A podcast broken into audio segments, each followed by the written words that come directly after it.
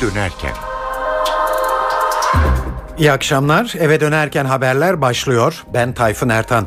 Günün haberleri ve yorumlarıyla önümüzdeki bir buçuk saat boyunca sizlerle beraber olacağız. Öne çıkan gelişmelerin özetiyle başlıyoruz.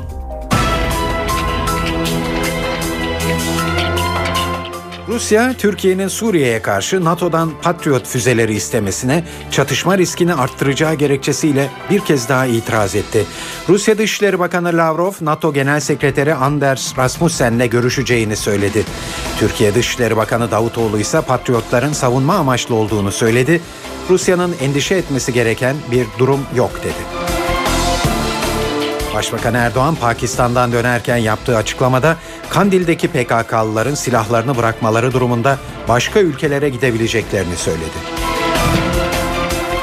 Cumhuriyet Halk Partisi hükümetin ana dilde savunma hakkını düzenleyen tasarısına muhalefet edecek. Süper Loto çekilişinde büyük ikramiye bir kişiye çıktı. Şanslı kişi Kayseri'den ve seçtiği 6 sayıya yaklaşık 22 milyon lira isabet etti. Mısır'da Cumhurbaşkanı Muhammed Mursi kendisine olağanüstü yetkiler tanıyan bir kararname yayınladı. Yargı bile Cumhurbaşkanının aldığı kararları geri çeviremeyecek. Muhalifler Mursi'yi kendisini yeni firavun ilan etmekle protesto ediyor.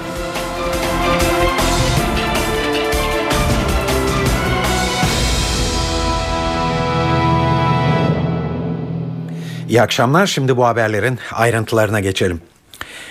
Türkiye'nin Suriye'den gelebilecek olası tehditlere karşı topraklarına konuşlandırmak istediği Patriot füzeleri NATO üyesi müttefiklerle Rusya arasında krize neden oldu. Suriye yönetimi de bu gelişmeden duyduğu rahatsızlığı bugün dile getirdi. Türkiye'nin Patriot talebini kınayan Suriye bunu pro- provokatif bir adım olarak gördüğünü duyurdu. Günün bir önemli açıklaması da Moskova'dan geldi. Rusya Dışişleri Bakanı Sergey Lavrov sistemin çatışma riskini arttıracağını ileri sürdü. Lavrov bu konuda NATO Genel Sekreteri Anders Fogh Rasmussen'le görüşeceğini söyledi. Silah birikim arttıkça söz konusu silahların kullanım riski de artıyor. Herhangi bir provokasyonda bunu tetikleyebilir. Moskova, Türkiye ile Suriye arasında sorunların çözülmesi için doğrudan diyalog kurulması için destek vermeye hazır. Ancak ne yazık ki bu teklifimiz henüz gerçekleşmedi. Kaygılıyız. Patriot füzeleri bölgede çatışmalara neden olabilir. İstikrarsızlık da artabilir. Bu konuda NATO Genel Sekreteri Anders Rasmussen'le görüşeceğim. Anladığım kadarıyla kimse NATO üyelerinin Suriye krizine dahil olmasını amaçlamıyor. Önde gelen bir askeri uzmanın dediği gibi askeri alanda önemli olan niyet değil potansiyeldir. Potansiyel arttıkça risk de artar. Evet Rusya e, kaygılı ancak Ankara patriotların tehditlere karşı bir gereklilik olduğu kanısında. Lavrov'a yanıt Dışişleri Bakanı Ahmet Davutoğlu'ndan geldi. Davutoğlu sistem savunma amaçlı Rusya'nın endişe etmesi gerektiren bir durum yok dedi. Bu zaten kararın ve talebimizin kendisinde de olduğu gibi bir savunma sistemidir. Hiçbir ülkenin özellikle de Rusya'nın bu konuda herhangi bir kaygı beyan etmesini gerektirecek bir durum yok. Ee, Türkiye şu anda çok yoğun bir çatışmanın sürdüğü Suriye ile 910 kilometrelik sınıra sahip bir ülke. Kendi güvenliğiyle ilgili her türlü tedbiri alır. Kendi ulusal kapasitesiyle alır. İttifak sistemi içinde alır. Zaten bu konunun teknik detayına bilenler gayet vakıftırlar ki bu Rusya'da gayet iyi bilir edilir. Bu sistem savunmaya dönük bir sistemdir. Uçağı e, sınır ihlalleri söz konusu olmuştur. Uçağımıza dönük uluslararası sularda yapılan bir saldırı söz konusu olmuştur. O günden bugüne de NATO sistemi içinde yürütülen çalışmalar vardır. E, devlet olmak aynı zamanda tedbir gerektiren bir özelliktir. Türkiye kendi halkının güvenliği ve ülkesinin güvenliği için her türlü tedbiri alır. Bu tamamıyla savunma amaçlı bir adımdır. Evet, diplomatik düzeyde karşılıklı olarak bu açıklamalar yapılırken Patriotlar için fizibilite çalışması yapacak NATO heyetinin Türkiye'ye geliş tarihi de belli oldu. 30 uzmandan oluşan heyet pazartesi günü geliyor Türkiye'ye. Heyette Amerikalı, Hollandalı ve Alman askerler bulunacak. Yaklaşık bir hafta Türkiye'de kalması planlanan heyet Doğu ve Güneydoğu'da Patriot füze bataryalarının konuşlandırılması muhtemel yerlerle ilgili çalışmalarda bulunacak. Ayrıntıları NTV muhabiri Özden Erkuş anlatıyor. 30 kişilik heyette Hollanda ve Almanya askerleri olacak ama aynı zamanda Amerika Birleşik Devletleri ordusuna bağlı askerleri de bu heyette olacak. Ağırlıklı olarak Doğu ve Güneydoğu'da incelemelerde bulunacak bu heyet bir hafta boyunca ve yine güney sınırının kuzeyine daha derin noktalara Patriot bataryalarının yerleştirilmesi için bir çalışma yapılması planlanıyor. Kaç batarya kurulacağı hep konuşulan bir başlıktı. Bizim edindiğimiz bilgiler yaklaşık 6 bataryanın Türkiye-Suriye sınırında Suriye yani Türkiye'nin güney sınırının kuzey kısmına 6 batarya kurulabileceği yönünde bu yönde bir planlama yapılıyor. Tabi elbette merak edilen bir başka konu bu bataryalarla birlikte Patriotlarla birlikte kaç yabancı asker Türkiye'ye gelecek? Her batarya için 40 personelin çalışılacağı hesaplanırsa yaklaşık 250-300 civarında yabancı askeri personelin Patriotlarla birlikte Türkiye'de görev yapacağını söylemek mümkün ama elbette bu sayı bataryaların sayısına göre değişecek. Eğer daha az batarya kurulursa daha az asker Türkiye'ye gelecek. Peki nerelere kurulacak? Bu da merak edilen bir başka nokta. Buna ilişkin bilgilerimiz de şu yönde. Üç kentten bahsediliyor. Bunlardan biri Diyarbakır, diğeri Malatya, diğeri ise Şanlıurfa. Diyarbakır bilindiği üzere 2. Hava Kuvvet Komutanlığı'nın bulunduğu bir kent. Yine aynı şekilde 8. Ana Jet Üssü'nün konuştuğu bulunduğu bir kent. Bu anlamda önemli, dikkat çekici risk e, faktörü yüksek bir nokta. Bir diğer kent ise 2. Ordu Komutanlığı'nın yani Güney ve Doğu Anadolu'daki tüm askeri operasyonların yönetildiği 2. Ordu Komutanlığı'nın merkezi olan Malatya. Malatya'ya kurulması planlanıyor. Bir başka nokta ise Suriye-Türkiye sınırına yakın olan ve aslında sıcaklığın en yakından hissedildiği Urfa yakınlarında başka bir Patriot e, bataryasının kurulması bekleniyor. 3 nokta burası ama söylediğimiz gibi bunlar ön tespitler henüz bu konuda bir kesinlik sağlanmış değil. Elbette heyetin çalışmalarını tamamladıktan sonra da nereye kurulacağına ilişkin bir değerlendirme yapılacak. Sadece gelen 30 kişilik heyetteki yabancı personel değil elbette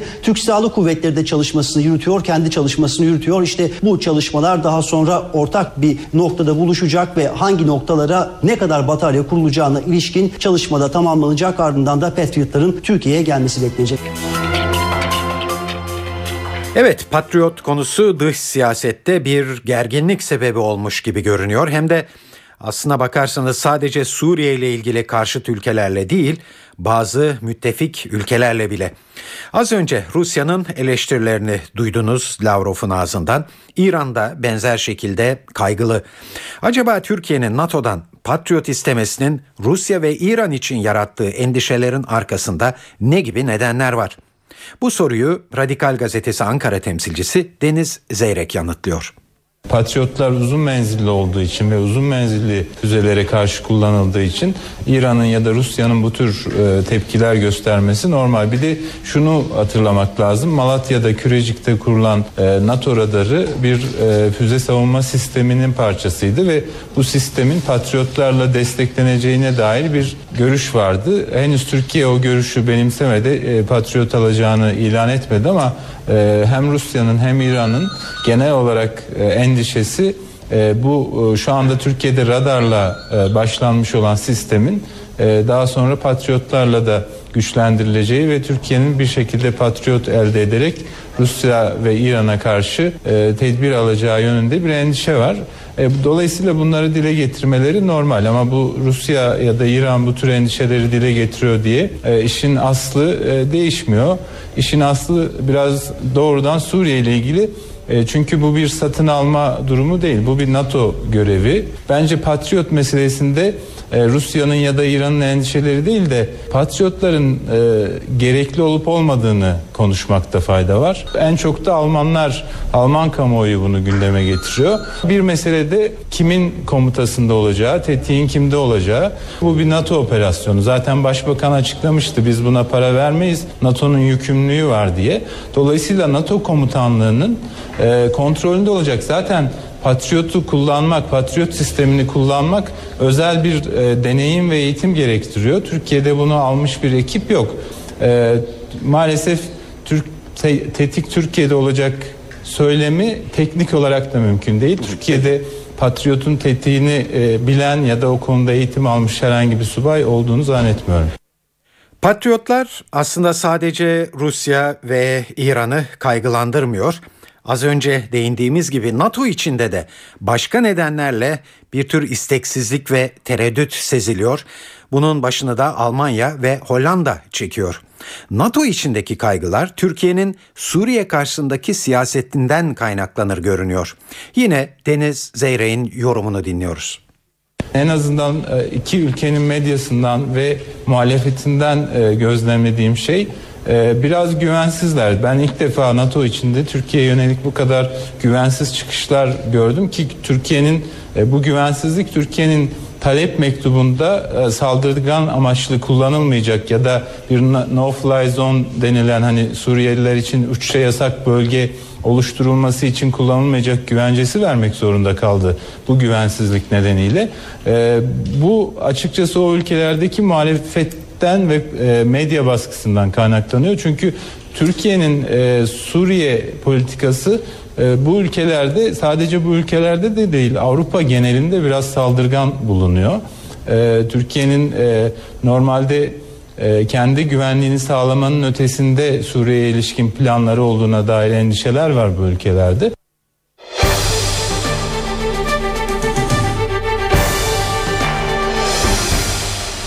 Gazze'de İsrail ile Hamas arasında varılan ateşkesin ne kadar kırılgan olduğunu gösteren bir gelişme yaşandı. Bugün Gazze sınırı yakınlarında Han Yunus'ta İsrail tarafından açılan ateşte bir Filistinli hayatını kaybetti, 11 kişi de yaralandı. İsrailli yetkililer ateşin kalabalık bir Filistinli grubun Gazze sınırına yaklaşması üzerine açıldığını duyurdu. Kırılgan ve geleceğinden endişe de duyulsa varılan ateşkes Gazze'ye dönük İsrail bombardımanını sonlandırmış durumda. Saldırıların durması için yürütülen görüşmelerin Mısır öncülüğünde yapıldığı biliniyordu. Bugün Hamas'ın siyasi büro şefi Halit Meşal arka planda Türkiye'nin de rol üstlendiğini açıkladı. Meşal özellikle başbakan büyük çaba gösterdi dedi. فتركيا من خلال شخص Sayın Erdoğan, onunla birlikte Dışişleri Bakanı ve İstihbarat Şefi Amerikalılarla görüşerek ateşkes için büyük bir çaba gösterdi. Hatta bunu da saklamıyorum. İsraillerin kendileri üstelik tek bir kanaldan değil, iki ayrı kanaldan Türklerle bağlantı kurdu. Türkiye'den ateşkesin sağlanması için yardım ve çaba harcamasını istediler. Ateşkes sağlanana kadar Türk yetkililerle telefon görüşmelerimiz hep devam etti.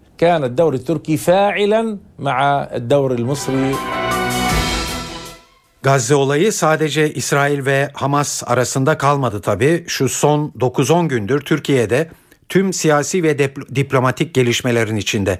Bu da ister istemez Türkiye'nin dış siyasetini etkilemekte. Son olarak Gazze olayı nedeniyle Türkiye ile Amerika arasındaki ilişkilerde de bir burukluk seziliyor.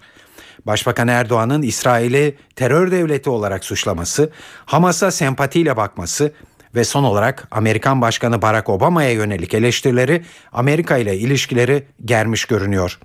Radikal Gazetesi Ankara temsilcisi Deniz Zeyrek'in bu konudaki gözlemleri de şöyle. Başbakanın o açıklamasından sonra e, Amerikalılarla yaptığımız görüşmelerde bir rahatsızlık olduğu hissediliyor. Ee, ya başbakan tabi son dönemde bunun dozunu biraz düşürdü Amerika'ya yönelik eleştirilerin dozunu düşürdü hatta biraz da böyle hani e, Netanyahu ile kendisini kıyaslayan bir üsluba dönüştürdü başbakan. E, şöyle bir gerçek var ne yazık ki Netanyahu'nun e, Amerika'daki gücüyle e, Türkiye'nin Amerika'daki gücü arasında e, karşılaştırılmayacak kadar büyük bir fark var. Netanyahu Amerikan e, siyasetine müdahale edebilme, daha doğrusu İsrail'in ve Yahudi lobisinin böyle bir gücü var ve bunu da sonuna kadar kullanıyorlar hem seçimlerde hem kongre üzerinde vesaire. Ve bu nedenle de başbakanın e, Obama'dan Netanyahu'ya gösterdiğin ilgiyi ve desteği bana da göstermelisin tarzı yaklaşımı biraz e, diplomasinin reel politiği açısından e, doğru görünmüyor. Şöyle bir e, durum var.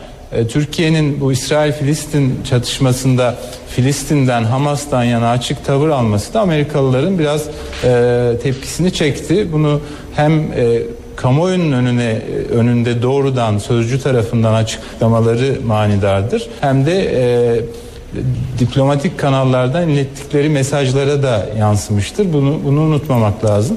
E, Türkiye Amerika Amerika ilişkileri e, eskisi gibi görünmüyor. Saat 18.20 NTV Radyo'da eve dönerken haberlere İstanbul'daki yol durumuyla devam edeceğiz. Bugün Cuma yollarda olanlar için önlerindeki koşullar ne? Eğer bilgi verebilirsek herhalde e, ihtiyacı karşılamış oluruz. Büyükşehir Belediyesi Trafik Kontrol Merkezi'nden Murat Kazan Asması dinliyoruz.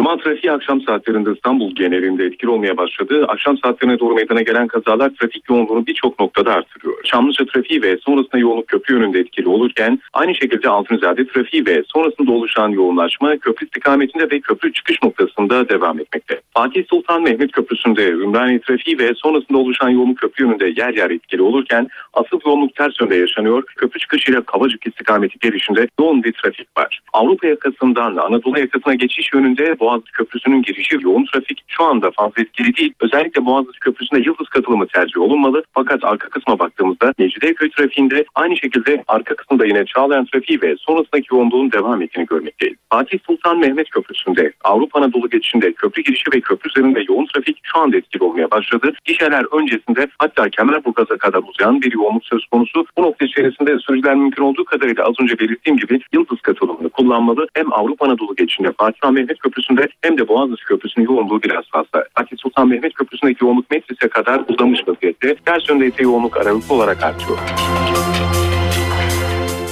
Evet şimdi günün diğer gelişmeleriyle devam ediyoruz eve dönerken haberlere. Başbakan Erdoğan Pakistan gezisi dönüşünde uçakta gazetecilere terörle mücadele konusunda kritik bazı açıklamalar yaptı. Erdoğan silahların susturulması değil silahın bırakılması çözümdür. Silah eğer teröristin elinde duruyorsa vakti saati geldiğinde her an patlayabilir dedi. Başbakan silahlar bırakılır ve Kandil'de bulunan PKK'lılar farklı ülkelere gitmek istiyoruz derse bunun önü açıktır. Gidip başka ülkelerde yaşayabilirler diye konuştu. Başbakanın bu çıkışına CHP'den destek, Milliyetçi Hareket Partisi'nden eleştiri geldi. CHP lideri Kemal Kılıçdaroğlu terör sonuçlanacaksa başka ülkelere gitmelerinden sıkıntı duymayız dedi. Öteden beri üzerinde durulan konulardan birisi. Silah bırakıp başka bir ülkeye giderse zaten e, bizim söyleyeceğimiz fazla bir şey yok. Biz terörün sonlanmasını isteriz. E, Silah bırakıp başka bir ülkede gidip normal yaşamlarını sürdürürlerse bundan da ayrıca memnunluk duyarız. MHP Grup Başkan Vekili Oktay Vural ise Başbakan teröristlere adaletten kaçmalarını önerdiğini ileri sürüyor. Vural Erdoğan önce PKK'ya sonra Öcalan'a af hazırlığında diye konuştu. Adaletten kaçmalarını mı öneriyor?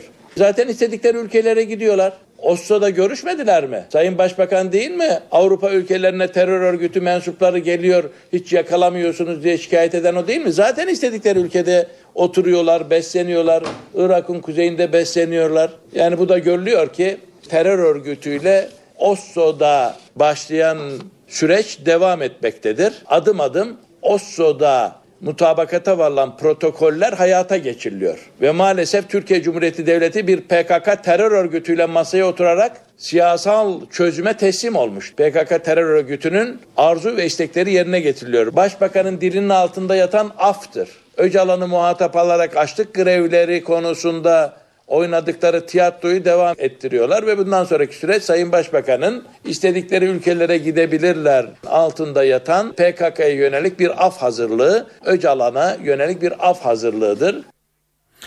Evet, Oktay Vural, MHP Grup Başkan Vekili bu tür e, açıklamalarla itiraz ediyordu Başbakanın açıklamasına. Evet, Başbakanın söylediklerini Uluslararası Stratejik Araştırmalar Kurumu'ndan Profesör İhsan Bal şöyle yorumluyor. İnisiyatif önemli bir miktarda devletin eline geçtikten sonra bu arkası biraz daha pişirilerek bu aşamaya getirilmişe benziyor. Yani bunun arkasında Türkiye'nin sokaklarında kan dökmenin getireceği hiçbir kazanç olmadığına örgütün de belirli çevrelerinin ikna olduğuna yönelik iz ipuçları var. Umuyorum bu o şekilde tecelli eder. E, bu ateşkes değil silah bırakma olur ve e, yöneticilerin bir kısmı farklı ülkelere gidebilir. Sanki oraya doğru gidiyor ve Türkiye içerisinde de bir kısım gelişmeler beklenebilir. Ankara ile Bağdat arasında gerilim artıyor. Irak merkezi yönetimi Başbakan Erdoğan'ın Irak'ta iç savaş endişesi yaşanıyor. Bunun nedeni de mezhep farklılığı ve petrol olabilir yönündeki sözlerine dün akşam yanıt vermiş. Erdoğan kendi işine baksın, Türkiye'deki iç meseleler üzerine yoğunlaşsın demişti. Başbakan El Maliki'nin bu çıkışına Ankara'dan bugün bir karşılık geldi. Dışişleri Bakanlığı, Türkiye için hayati tespitlerde bulunan Irak Başbakanı hezeyan içindedir açıklamasında bulundu. Karşılıklı resleşmenin ayrıntılarını NTV muhabiri Özden Erkuş anlatıyor. Aslında bu karşılıklı açıklamalar Başbakan Erdoğan'ın Pakistan'a gitmeden önce yaptığı açıklamayla başladı. Başbakan Erdoğan Irak'ta petrol ya da mezhep kaynaklı bir iç savaş çıkabileceği endişesini dile getirmişti. İşte bu açıklamanın ardından Irak Başbakanlığından yazılı bir açıklama gelmişti önceki gün ve Sayın Erdoğan hassasiyeti için teşekkür ediyoruz fakat Irak halkının bilinçli ve duyarlılığı sayesinde iç savaş çıkmayacaktır. Kendisinin kehanet ettiği petrol savaşına da Irak merkezi hükümeti izin vermeyecektir demişti Irak Başbakanlığı. Aynı zamanda Irak Başbakanlığı Türkiye'nin iç durumu endişe vericidir ve Türkiye bunun farkında olmalıdır. Sayın Erdoğan'a önerimiz Türkiye'deki azınlıkların sorunlarını çözmesidir ve Türkiye'yi tüm bölgelerin sorunlarına sokmamasıdır şeklinde bir açıklama gelmişti. İşte bu açıklamaya aynı sertlikte yanıt Dışişleri Bakanlığı'ndan geldi. Dışişleri Bakanlığı'ndan gelen açıklamada söz konusu açıklama Irak Başbakanlığı'nın en hafif tabiriyle gerçeklik duygusundan koparak Irak'taki durumla ülkemizdeki durumu karıştırdığını göstermektedir. Sayın Başbakanımızın sadece Irak halkının esenliğini düşünerek dile getirdiği endişelerin Irak Başbakanı tarafından ülkemize yönelik mesnetsiz iddialar ortaya atmak için dayanak yapılmasını şiddetle reddediyoruz deniliyor Dışişleri Bakanlığı'nın açıklamasında. Açıklamada ayrıca Irak Başbakanı'nın ülkesindeki gerginliği tırmandıran politikalardan vazgeçerek tüm Irak halkını kucaklayacak bir yaklaşım benimsemesini ve mesnetsiz suçlamalarla cevap vermeye kalkışmak yerine bu konudaki önerilere samimiyetle kulak vermesini tavsiye ediyoruz deniliyor. Dışişleri Bakanlığı yaptığı yazılı açıklamanın ana hatları bu şekilde.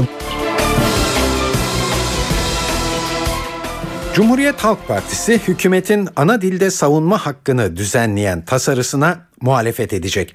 Karar partinin grup toplantısında alındı. Ana muhalefet bu konuda kendi hazırladığı metni savunacak. Cumhuriyet Halk Partisi metninde ana dilde savunma sadece Türkçe bilmediğini beyan eden sanığa hak olarak tanınır deniyor. Ayrıntıları Ankara muhabirlerimizden Miray Aktağ Uluç'tan öğreniyoruz.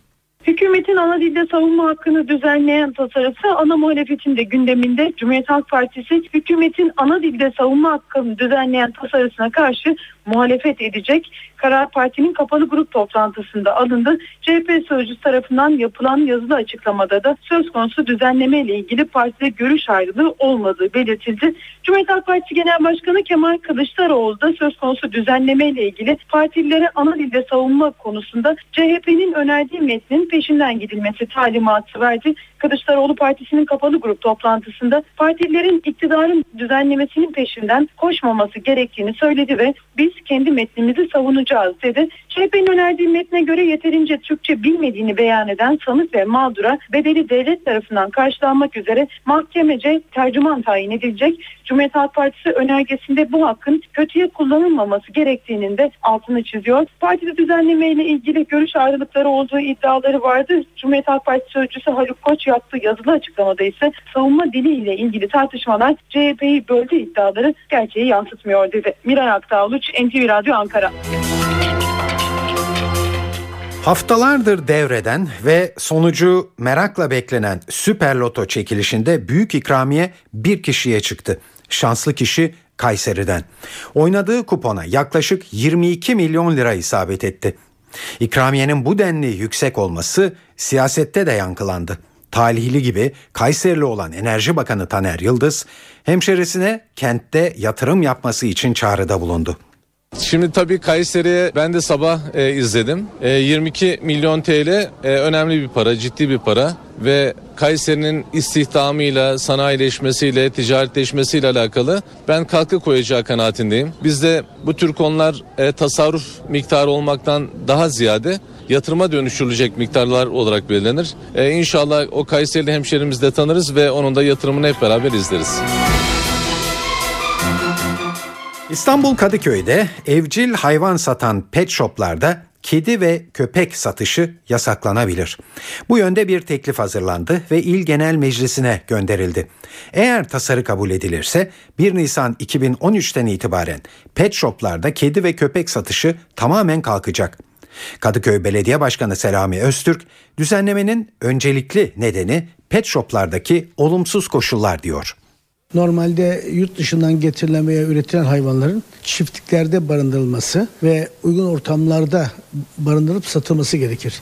Yani bu mekanlarda veterinerin bulunması lazım, bakıcıların bulunması lazım. Hayvanların da uygun koşullarda olması lazım. Ama bunların hiçbiri yok pet shoplarda. Hayvanı alıyorlar, bir ay besliyorlar veya işte bir yaş gününde hediye ediyorlar. Bir ay sonra hayvan besleyemedikleri için veya o bakıma alışmadıkları için, ona işi kuramadıkları için sokağa bırakıyorlar. Dünyanın en büyük etkinliklerinden Expo fuarı için aday olan İzmir'in sunumu Paris'te yapıldı. Toplantıda İzmir'i tanıtan Kültür Bakanı Ertuğrul Günay, hükümet adına tüm kalbimle söz veriyorum ki eğer seçilirsek İzmir 2020 en unutulmaz expolardan biri olarak hatırlanacaktır dedi.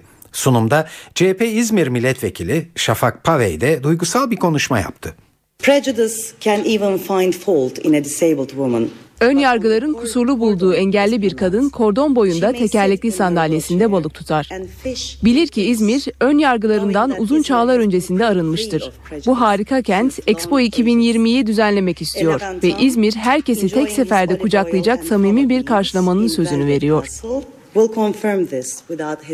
İzmir Expo 2020 için Rusya'nın Ekaterinburg, Brezilya'nın Sao Paulo, Tayland'ın Ayutthaya ve Birleşik Arap Emirlikleri'nin Dubai şehirleriyle yarışacak.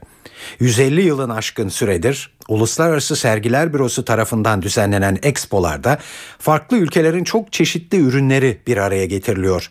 5 yılda bir düzenlenen expoları dünyanın dört bir tarafından milyonlarca kişi ziyaret ediyor.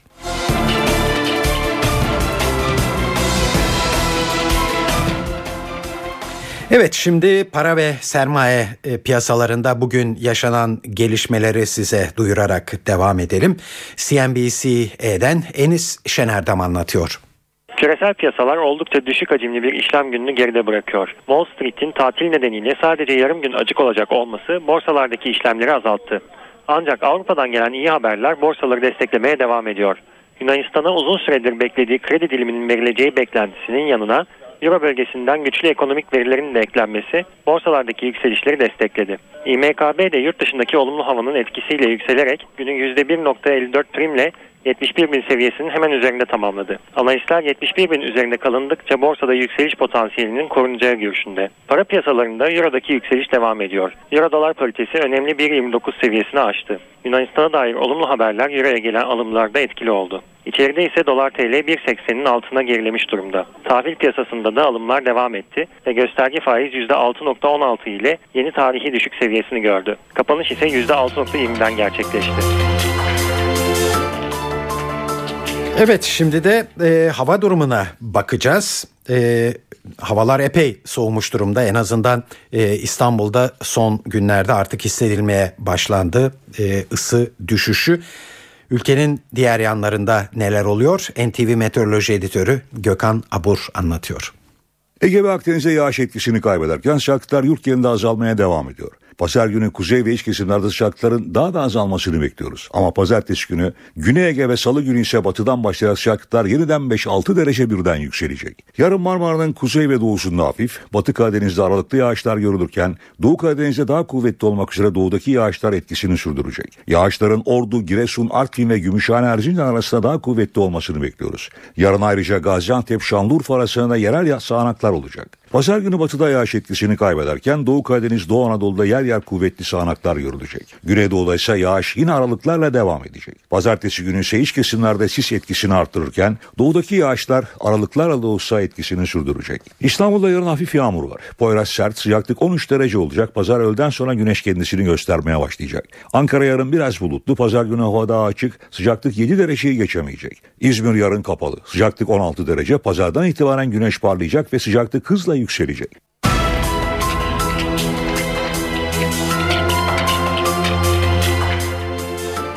Evet yayınımızı şimdi şu ana kadar e, sunduğumuz haberleri hızla özetleyerek devam edeceğiz.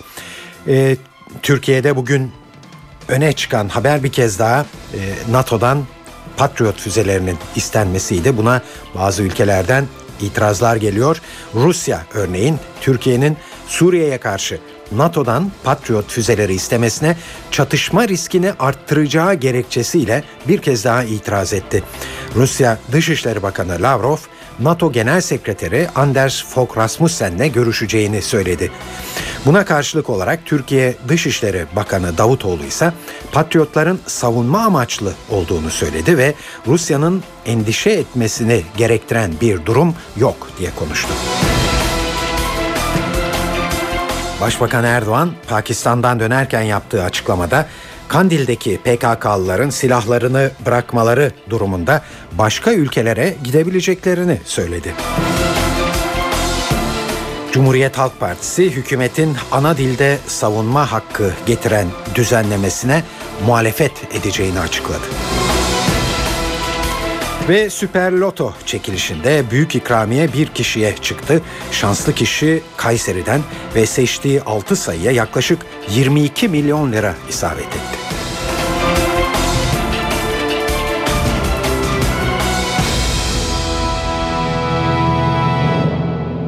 Evet şimdi dünyada en çok konuşulan, en çok merak edilen ve yakından takip edilen haberlerle devam ediyoruz.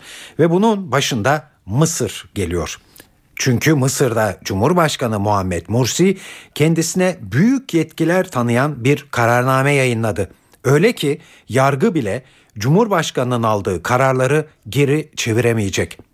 Karar ülkede büyük tartışmalara yol açtı. Başkentte protesto gösterisi düzenleyen muhalifler Mursi'yi sivil darbe yapmak ve kendini yeni firavun ilan etmekle suçlamaya başladılar.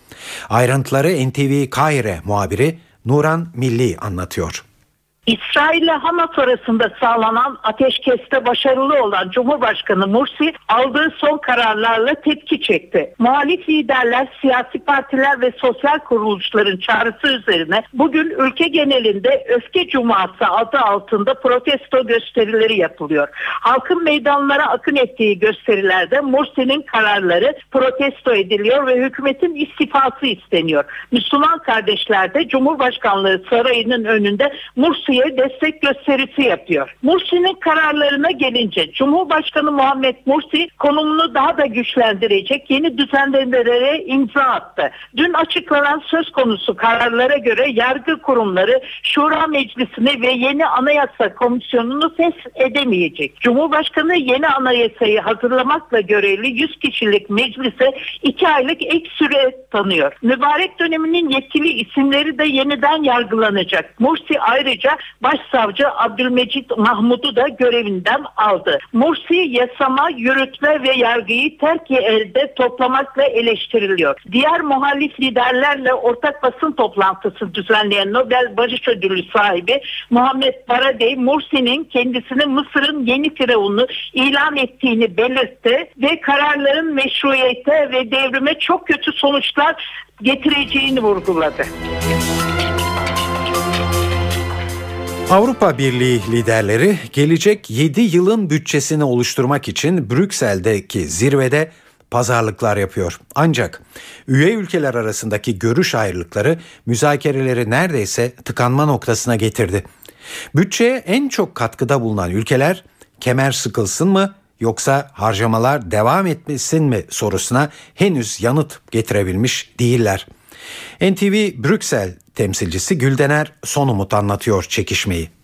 Avrupa Birliği liderleri iki gün süren zirvenin ardından 2014-2020 yılını kapsayan bütçe konusunda mutabakata ulaşamadılar. Görüş ayrılıkları oldukça derin. Sunulan ilk, ilk taslak bütçeyi reddeden Almanya bütçeye 70 milyar euroluk bir kesinti yapılmasını talep etti. Masadaki ikinci bütçe taslağı yani 7 yıl toplam 985 milyar euroluk bütçe İngiltere'yi tatmin etmiyor. İngiltere özellikle personel, insan kaynakları ve AB kurumlarının genel giderlerine yönelik olarak kesintilerin 50 milyar euroyu daha aşması gerektiğini ve bu çerçevede masadaki bütçeden herhangi bir şekilde tatmin olmadıklarını dile getiriyorlar. Fransa'nın kaygıları ise oldukça ayrı. Ortak tarım politikasından en çok mali yardım alan Fransa taslak bütçesi olan mali yardımdan hoşnut olmadığını açık bir şekilde dile getirdi. Ortak tarım politikasına ek olarak 10 milyar euroluk bir fon ayrılmasını talep eden Paris yönetimi aynı zamanda bölgesel kalkınma fonlarından da 11 milyar euroluk ek bir ödeme talep ediyor. Bu çerçevede bütçe müzakerelerini yürüten Avrupa Birliği Konseyi Başkanı Herman Van Rompuy görüş ayrılıklarını giderecek yeni bir formül üzerinde çalışması gerekiyor. Yeni formül masada ancak henüz özellikle liderleri tatmin edip etmeyeceği konusu açıklık kazanmadı. Anlaşılan Avrupa Birliği bu zirvede bütçe konusunda istenilen mutabakata ulaşamayacak. Bir sonraki toplantı ise 18 Aralık tarihinde yapılacak. Güney Kıbrıs Rum kesiminin dönem başkanı noktalayacak olan zirvede liderler bir kez daha son bir çaba olarak bütçe konusunda mutabakat sağlamaya çalışacaklar. Ancak diplomatik gözlemciler özellikle Almanya'nın tasarrufları sağlamak amacıyla bütçe müzakerelerini 2013 yılına sarkıtabileceğini dile getiriyorlar. Güldener Sonumut, NTV Radyo, Brüksel. İspanya'nın Katalonya özerk bölgesinde hafta sonu seçim var. Seçim süreci hem Katalonya'da hem de tabii İspanya genelinde dikkatle izleniyor. Yeniden seçilmeyi planlayan Katalan lider Artur Mas seçim yarışını bir bağımsızlık kampanyasına dönüştürmüş durumda. Mas, bölgesel parlamentoda çoğunluğu sağlarsa 4 yıl içinde bağımsızlık için referanduma gideceğini söylüyor. Katalan halkı ise bu konuda bölünmüş durumda. Söz verilen her şeyin gerçekleşip gerçekleşmeyeceğini bilemiyorum ama bağımsızlığımızı elde ettiğimizi görmek isterim.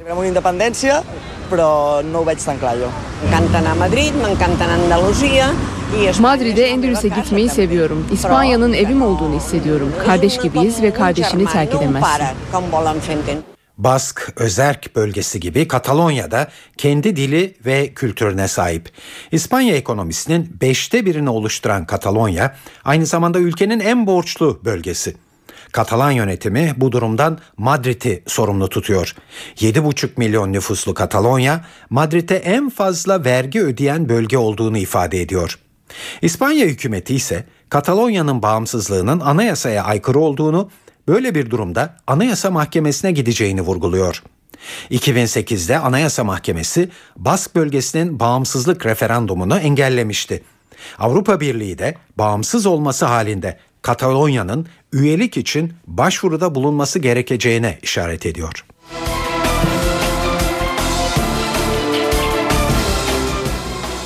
Evet bir spor haberi var sırada. Fenerbahçe UEFA Avrupa Ligi'nde ikinci tur biletini Fransa'da cebine koydu. Marsilya'yı deplasmanda 1-0 yenerek puanını 13'e yükselten Sarı Lacivertli takım son maç öncesinde gruptan lider olarak çıkmayı garantiledi. Galibiyet sonrası konuşan teknik direktör Aykut Kocaman güçlü bir kadromuz var artık hedef büyütmeliyiz dedi. Buradaki temel amacımız garantileyerek dönmekti. Önce bunu almaktı. Bu beraberlikle de oluyordu. Alacağımız bir puanla da oluyordu. Kazanarak da oluyordu. Kazanarak grup liderliğini de elde ettik.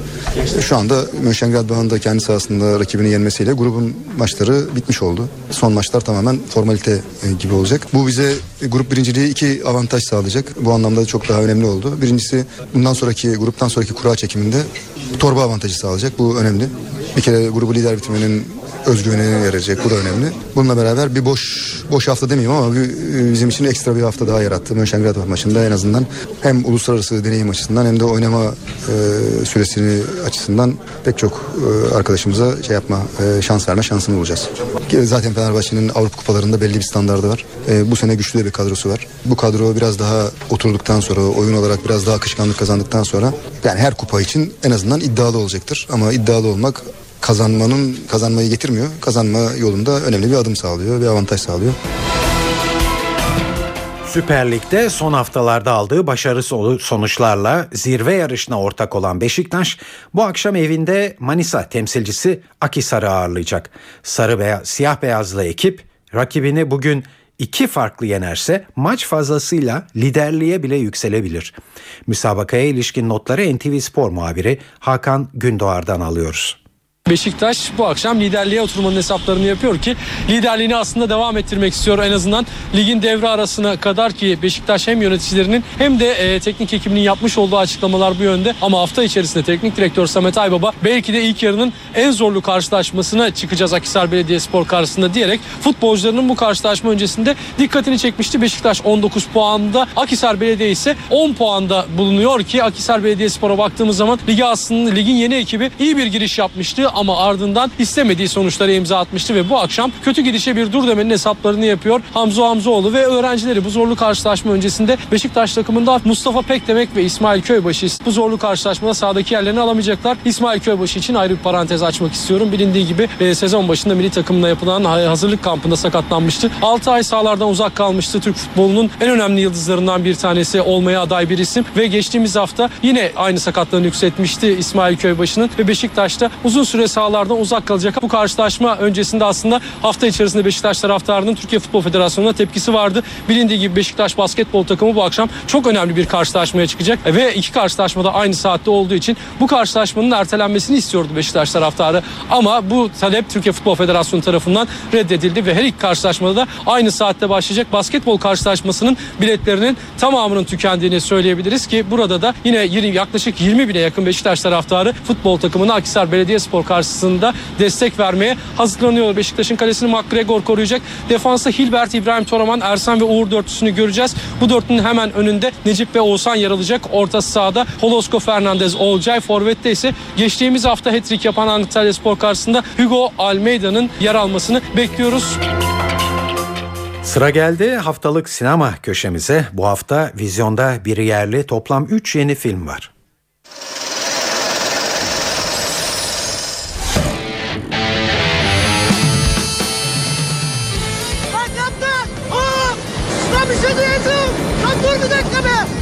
Sinemalarda 3 yeni film var bu hafta. Gişede büyük sürpriz yapan Sümela'nın Şifresi Temel filminin devamı, Moskova'nın Şifresi Temel, haftanın tek yerli yapımı. Çekimlerinin ilk etabı Rusya'da yapılan film, Moskova'dan Trabzon'a uzanan ve bolca güldürü vaat eden bir yanlışlıklar komedyası. Gidip hesabını sormayacağım. O zaman Moskova'ya gidiyorum. Rus mafyasına ait altınları Sümela'nın hazinesi sandığı için alan Temel'in başı, mafya lideri Korkunç Ivan'la derde girer. Mafya babası da en acımasız adamını Temel'i öldürmesi için Trabzon'a yollar. Ancak Temel Ivan'ın adamını yakalar, hesap sormak için de arkadaşı Turgay ile birlikte Moskova'ya gider.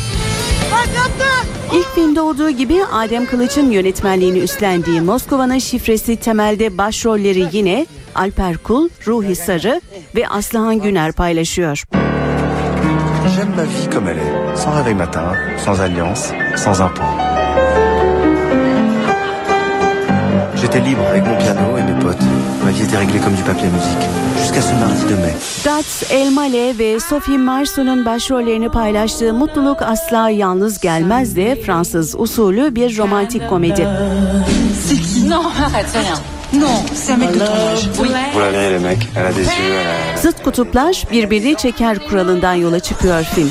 Sasha partiler vermeyi seven, arkadaşlarına ve tutkuyla çaldığı piyanoya düşkün, çapkınlıkta da nam yapmış bir adamdır. Ona tam tersi bir hayat süren Charlotte'un ise üç çocuğu, eskittiği iki kocası ve tüm bu karmaşada yönetmesi gereken bir de kariyeri vardır. Hayatlarındaki her şey birbirine zıt olan bu iki insan beraber olmaları için hiçbir neden yokken karşı karşıya gelirler. Filmin yönetmeni James Hood. Welcome to Hotel Transylvania. It's a place I built for all those monsters hiding from the persecution of humankind. A place of relaxation and tranquility. Haftanın animasyon filmi Otel Transilvanya'da Gendy Tartakovsky imzalı. Just a normal hotel, nothing going on here. İnsanların erişemeyeceği sadece canavarlar ve ailelerinin yaşayacağı bir mekan açan Dracula, kızı Mavis'in 118. doğum gününü kutlamak için tüm dostlarını davet eder. Frankenstein, Mumya, Görünmez Adam ve Kurt Adam'ın davetli olduğu partiye bir insan da gelir ve Mavis'le arkadaş olur. Bu durum Dracula'yı çileden çıkarır. Animasyonda Dracula'yı Aydoğan Temel ve kızı Mavis'i Hazal Erdal seslendiriyor.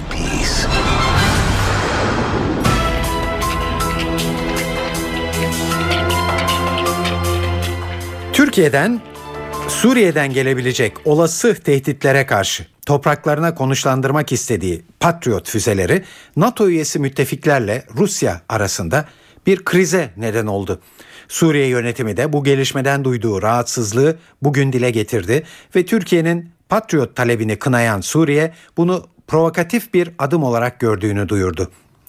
Günün önemli açıklaması Moskova'dan geldi. Rusya Dışişleri Bakanı Sergey Lavrov sistemin çatışma riskini arttıracağını ileri sürdü. Lavrov bu konuda NATO Genel Sekreteri Anders Fogh Rasmussen'le görüşeceğini söyledi. Silah birikim arttıkça söz konusu silahların kullanım riski de artıyor. Herhangi bir provokasyonda bunu tetikleyebilir. Moskova, Türkiye ile Suriye arasında sorunların çözülmesi için doğrudan diyalog kurulması için destek vermeye hazır. Ancak ne yazık ki bu teklifimiz henüz gerçekleşmedi. Kaygılıyız. Patriot füzeleri bölgede çatışmalara neden olabilir. İstikrarsızlık da artabilir. Bu konuda NATO Genel Sekreteri Anders Rasmussen'le görüşeceğim. Anladığım kadarıyla kimse NATO üyelerinin Suriye krizine dahil olmasını amaçlamıyor. Önde gelen bir askeri uzmanın dediği gibi askeri alanda önemli olan niyet değil potansiyeldir. Potansiyel arttıkça risk de artar.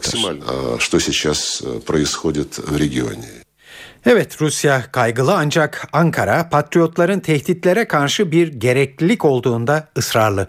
Lavrov'a yanıt Dışişleri Bakanı Ahmet Davutoğlu'ndan geldi. Davutoğlu sistem savunma amaçlı Rusya'nın endişe etmesini gerektiren bir durum yok dedi.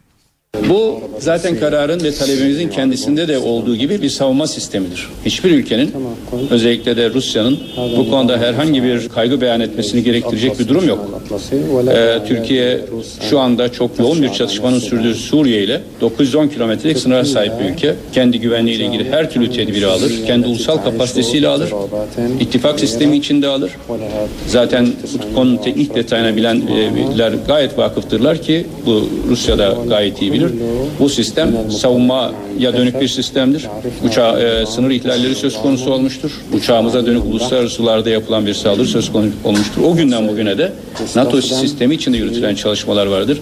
E, devlet olmak aynı zamanda tedbir gerektiren bir özelliktir. Türkiye kendi halkının güvenliği ve ülkesinin güvenliği için her türlü tedbiri alır. Bu tamamıyla savunma amaçlı bir adımdır.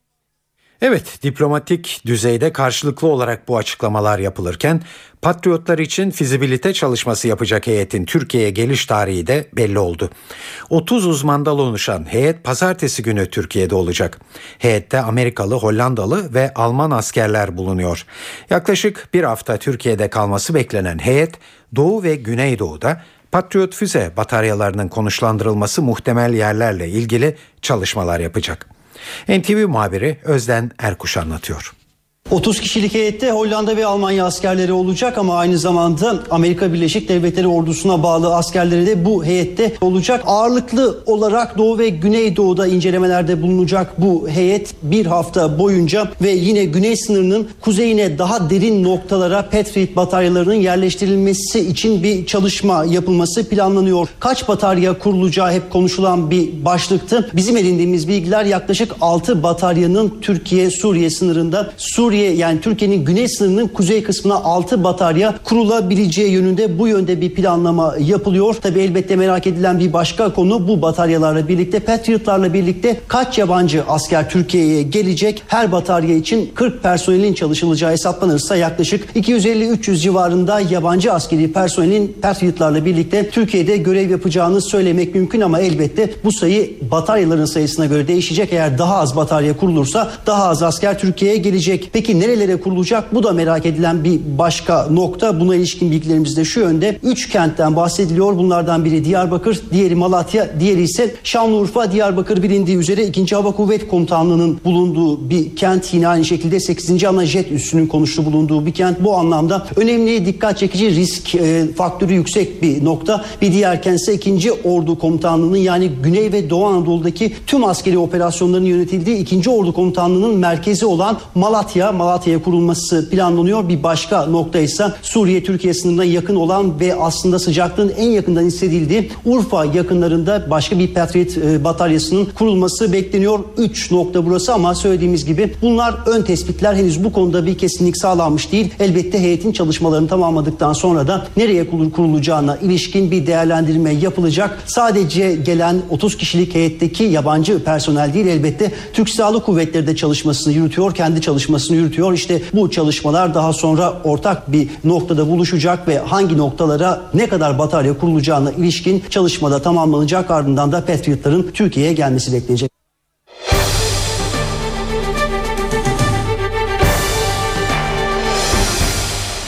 Başbakan Tayyip Erdoğan, Pakistan gezisi dönüşünde uçakta gazetecilere terörle mücadele konusunda kritik açıklamalar yaptı. Erdoğan, silahların susturulması değil, silahın bırakılması çözümdür. Silah eğer teröristin elinde duruyorsa vakti saati geldiğinde her an patlayabilir dedi. Başbakan silahlar bırakılır ve Kandil'de bulunan PKK'lılar farklı ülkelere gitmek istiyoruz derse bunun önü açıktır. Gidip başka ülkelerde yaşayabilirler diye konuştu. Başbakanın bu sözlerine Cumhuriyet Halk Partisi'nden destek, Milliyetçi Hareket Partisi'nden eleştiri geldi. CHP lideri Kemal Kılıçdaroğlu terör sonuçlanacaksa başka ülkelere gitmelerinden sıkıntı duymayız dedi. Öteden beri üzerinde durulan konulardan birisi. Silah bırakıp başka bir ülkeye giderse zaten bizim söyleyeceğimiz fazla bir şey yok. Biz terörün sonlanmasını isteriz. Silah bırakıp başka bir ülkede gidip normal yaşamlarını sürdürürlerse bundan da ayrıca memnunluk duyarız. MHP ise aynı görüşte değil. Parti Grup Başkan Vekili Oktay Vural, Başbakanın teröristlere adaletten kaçmalarını önerdiğini ileri sürdü. Vural, Erdoğan önce PKK'ya sonra Öcalan'a af hazırlığında diye konuştu. Adaletten kaçmalarını mı öneriyor? Zaten istedikleri ülkelere gidiyorlar. Oslo'da görüşmediler mi? Sayın Başbakan değil mi? Avrupa ülkelerine terör örgütü mensupları geliyor hiç yakalamıyorsunuz diye şikayet eden o değil mi? Zaten istedikleri ülkede oturuyorlar, besleniyorlar.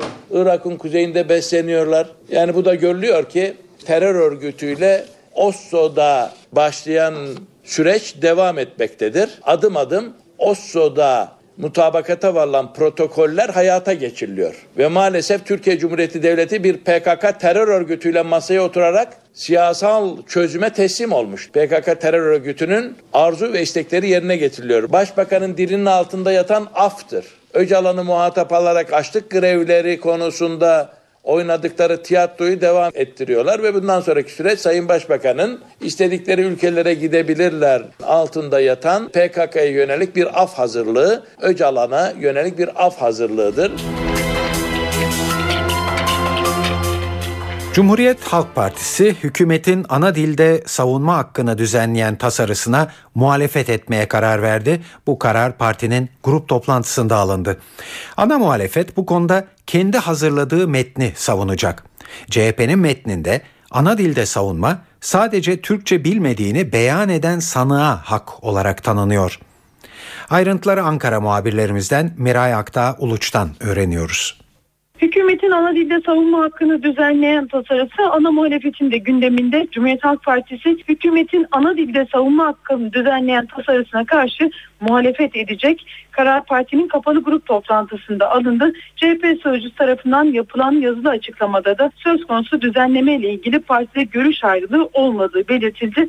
Cumhuriyet Halk Partisi Genel Başkanı Kemal Kılıçdaroğlu da söz konusu düzenleme ile ilgili partilere ana dilde savunma konusunda CHP'nin önerdiği metnin peşinden gidilmesi talimatı verdi. Kılıçdaroğlu Partisi'nin kapalı grup toplantısında partilerin iktidarın düzenlemesinin peşinden koşmaması gerektiğini söyledi ve biz kendi metnimizi savunacağız dedi. CHP'nin önerdiği metne göre yeterince Türkçe bilmediğini beyan eden sanık ve mağdura bedeli devlet tarafından karşılanmak üzere mahkemece tercüman tayin edilecek. Cumhuriyet Halk Partisi önergesinde bu hakkın kötüye kullanılmaması gerektiğinin de altını çiziyor. Partide düzenleme ile ilgili görüş ayrılıkları olduğu iddiaları vardı. Cumhuriyet Halk Partisi sözcüsü Haluk Koç yaptığı yazılı açıklamada ise savunma dili ile ilgili tartışmalar CHP'yi böldü iddiaları gerçeği yansıtmıyor dedi. Miray Aktağ NTV Radyo Ankara. Dünyanın gözü Mısır'ın üstünde çünkü Mısır'da Cumhurbaşkanı Muhammed Mursi kendisine büyük yetkiler tanıyan bir kararname yayınladı. Öyle ki yargı bile Cumhurbaşkanının aldığı kararları geri çeviremeyecek.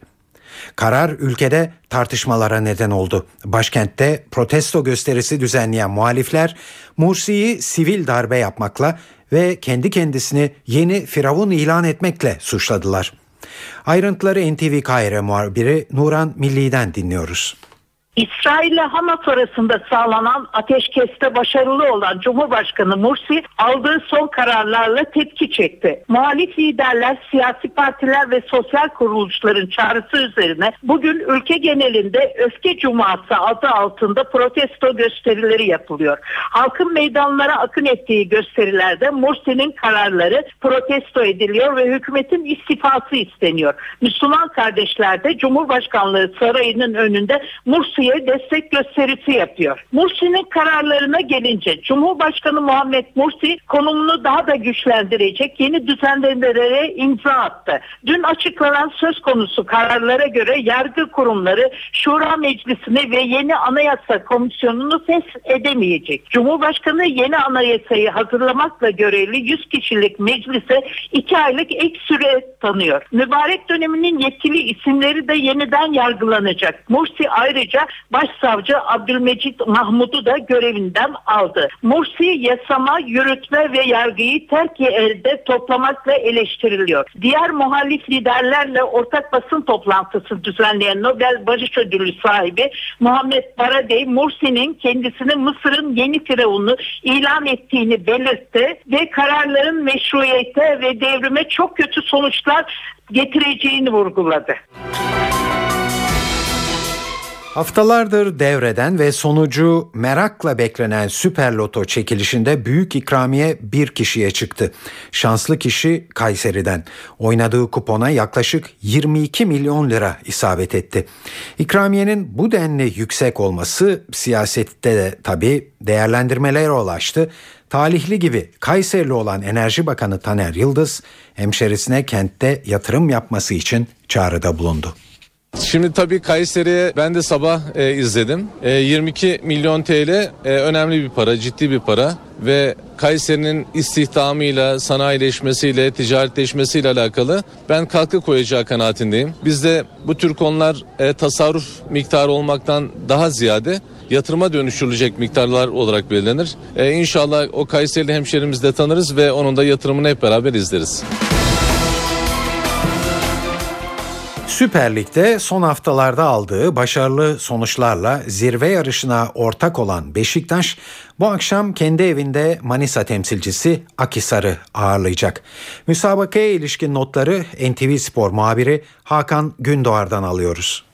Beşiktaş bu akşam liderliğe oturmanın hesaplarını yapıyor ki liderliğini aslında devam ettirmek istiyor en azından ligin devre arasına kadar ki Beşiktaş hem yöneticilerinin hem de e, teknik ekibinin yapmış olduğu açıklamalar bu yönde ama hafta içerisinde teknik direktör Samet Aybaba belki de ilk yarının en zorlu karşılaşmasına çıkacağız Akhisar Belediyespor karşısında diyerek futbolcularının bu karşılaşma öncesinde dikkatini çekmişti. Beşiktaş 19 puanda Akhisar Belediye ise 10 puanda bulunuyor ki Akhisar Belediyespor'a baktığımız zaman ligi aslında ligin yeni ekibi iyi bir giriş yapmıştı ama ardından istemediği sonuçlara imza atmıştı ve bu akşam kötü gidişe bir dur demenin hesaplarını yapıyor. Hamza Hamzoğlu ve öğrencileri bu zorlu karşılaşma öncesinde Beşiktaş takımında Mustafa Pekdemek ve İsmail Köybaşı bu zorlu karşılaşmada sahadaki yerlerini alamayacaklar. İsmail Köybaşı için ayrı bir parantez açmak istiyorum. Bilindiği gibi e, sezon başında milli takımla yapılan hazırlık kampında sakatlanmıştı. 6 ay sahalardan uzak kalmıştı. Türk futbolunun en önemli yıldızlarından bir tanesi olmaya aday bir isim ve geçtiğimiz hafta yine aynı sakatlığını yükseltmişti İsmail Köybaşı'nın ve Beşiktaş'ta uzun süre sahalardan uzak kalacak. Bu karşılaşma öncesinde aslında hafta içerisinde Beşiktaş taraftarının Türkiye Futbol Federasyonu'na tepkisi vardı. Bilindiği gibi Beşiktaş basketbol takımı bu akşam çok önemli bir karşılaşmaya çıkacak ve iki karşılaşmada aynı saatte olduğu için bu karşılaşmanın ertelenmesini istiyordu Beşiktaş taraftarı. Ama bu talep Türkiye Futbol Federasyonu tarafından reddedildi ve her iki karşılaşmada da aynı saatte başlayacak basketbol karşılaşmasının biletlerinin tamamının tükendiğini söyleyebiliriz ki burada da yine yaklaşık 20 bine yakın Beşiktaş taraftarı futbol takımını Akhisar Belediyespor karşısında destek vermeye hazırlanıyor. Beşiktaş'ın kalesini McGregor koruyacak. Defansta Hilbert, İbrahim Toraman, Ersan ve Uğur dörtlüsünü göreceğiz. Bu dörtlünün hemen önünde Necip ve Oğuzhan yer alacak. Orta sahada Holosko Fernandez, Olcay. Forvet'te ise geçtiğimiz hafta hat-trick yapan Antalya Spor karşısında Hugo Almeida'nın yer almasını bekliyoruz. Fenerbahçe UEFA Avrupa Ligi'nde ikinci tur biletini Fransa'da cebine koydu. Marsilya'yı deplasmanda 1-0 yenerek puanını 13'e yükselten Sarı Lacivertli takım son maç öncesinde gruptan lider olarak çıkmayı garantiledi. Galibiyet e, sonrasında teknik direktör Aykut Kocaman şöyle diyordu. Buradaki temel amacımız garantileyerek dönmekti. Önce bunu almaktı. Bu beraberlikle de oluyordu. Alacağımız bir puanla da oluyordu. Kazanarak da oluyordu. Kazanarak grup liderliğini de elde ettik. Şu anda Mönchengladbach'ın da kendi sahasında rakibini yenmesiyle grubun maçları bitmiş oldu. Son maçlar tamamen formalite gibi olacak. Bu bize grup birinciliği iki avantaj sağlayacak. Bu anlamda çok daha önemli oldu. Birincisi bundan sonraki gruptan sonraki kura çekiminde torba avantajı sağlayacak. Bu önemli. Bir kere grubu lider bitirmenin özgüvenine yarayacak. Bu da önemli. Bununla beraber bir boş boş hafta demeyeyim ama bir, bizim için ekstra bir hafta daha yarattı. Mönchengladbach maçında en azından hem uluslararası deneyim açısından hem de oynama e, süresini açısından pek çok e, arkadaşımıza şey yapma e, şans verme şansını bulacağız. Zaten Fenerbahçe'nin Avrupa kupalarında belli bir standardı var. E, bu sene güçlü bir kadrosu var. Bu kadro biraz daha oturduktan sonra oyun olarak biraz daha akışkanlık kazandıktan sonra yani her kupa için en azından iddialı olacaktır. Ama iddialı olmak kazanmanın kazanmayı getirmiyor. Kazanma yolunda önemli bir adım sağlıyor ve avantaj sağlıyor. Evet yavaş yavaş eve dönerken haberlerin sonuna yaklaşıyoruz. Geldik kültür ve sanat dünyasından haberlere. Size çeşitli etkinliklerden bir derleme sunuyoruz.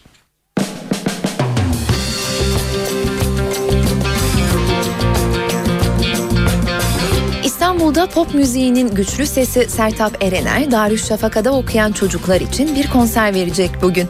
Tim Show Center'da gerçekleşecek konser saat 20'de.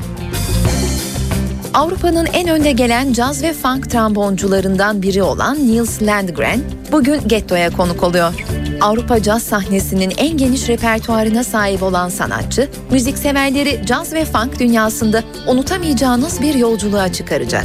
Konser saat 22.30'da başlayacak. Bugün ayrıca O Gün Sanlısoy, Özlem Tekin saat 21'de Olympia Event Hall'de, Timuçin Esen saat 22.30'da Beyoğlu Hayal Kahvesi'nde, Yeni Türkü saat 22'de Jolly Joker İstanbul'da ve MFÖ'de saat 20.30'da Matine 216'da olacak. UNESCO tarafından Dünya Kültür Mirası listesine alınan Çin'in gizemli yeraltı ordusunun askerleri Topkapı Sarayı'nda sergilenmeye başlandı. Çin Hazineleri adlı sergide Çin dışına çıkarılmayan terrakotta atı da yer alıyor. Yasak Şehir Müzesi, Şangay Müzesi, Qin Shi Huang Müzesi başta olmak üzere Çin'in 11 önemli müzesinden getirilen 101 eseri içeren sergi 23 Şubat'a kadar ziyaret edilebilir. 10. Sanal Kitap Fuarı bugün başlıyor. Türkiye'nin online kitapçılarından idefix.com'un her yıl düzenlediği fuarda 1500 yayın evi ve 150 bin farklı kitap yer alıyor. Türkiye'nin 81 ilinden siparişle kitap alınabilen fuarda yazarlardan imzalı kitaplar, ekstra indirimli özel setler, %70'e varan indirimler yer alacak. Fuar idefix.com internet sitesi üzerinden 23 Aralık'a kadar sürecek. Radiohead'in dünya genelinde takdir görmüş en iyi tribüt grubu Karmapolis, Radiohead fanları için Ankara ve İstanbul'a geliyor. Grup bu akşam saat 21'den itibaren If Performance Hall'de, yarınsa Beyoğlu Hayal Kahvesi'nde olacak. Rock müziğinin en başarılı performans gruplarından biri olan Grip'in bugün Jolly Joker Ankara'da. Konser saat 22'de. Pelin Esmer de son filmi Gözetleme Kuresi'nin özel gösterimi için bugün Ankara'da olacak.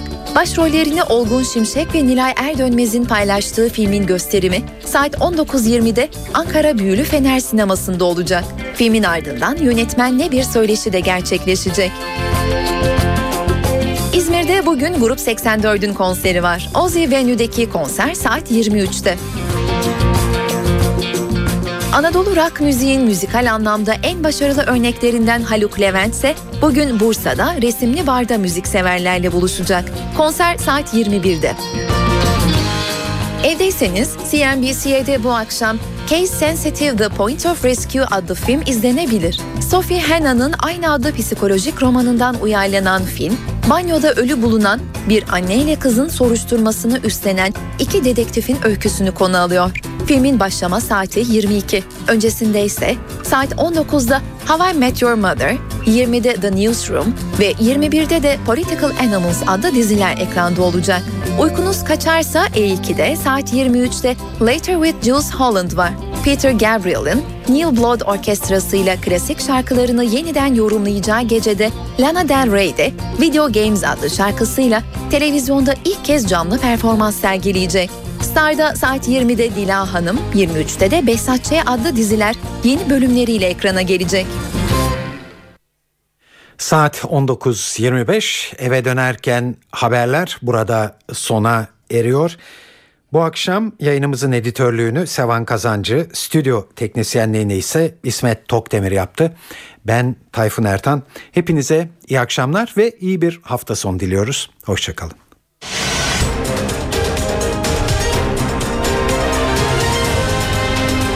NTV Radyo, Türkiye'nin haber radyosu.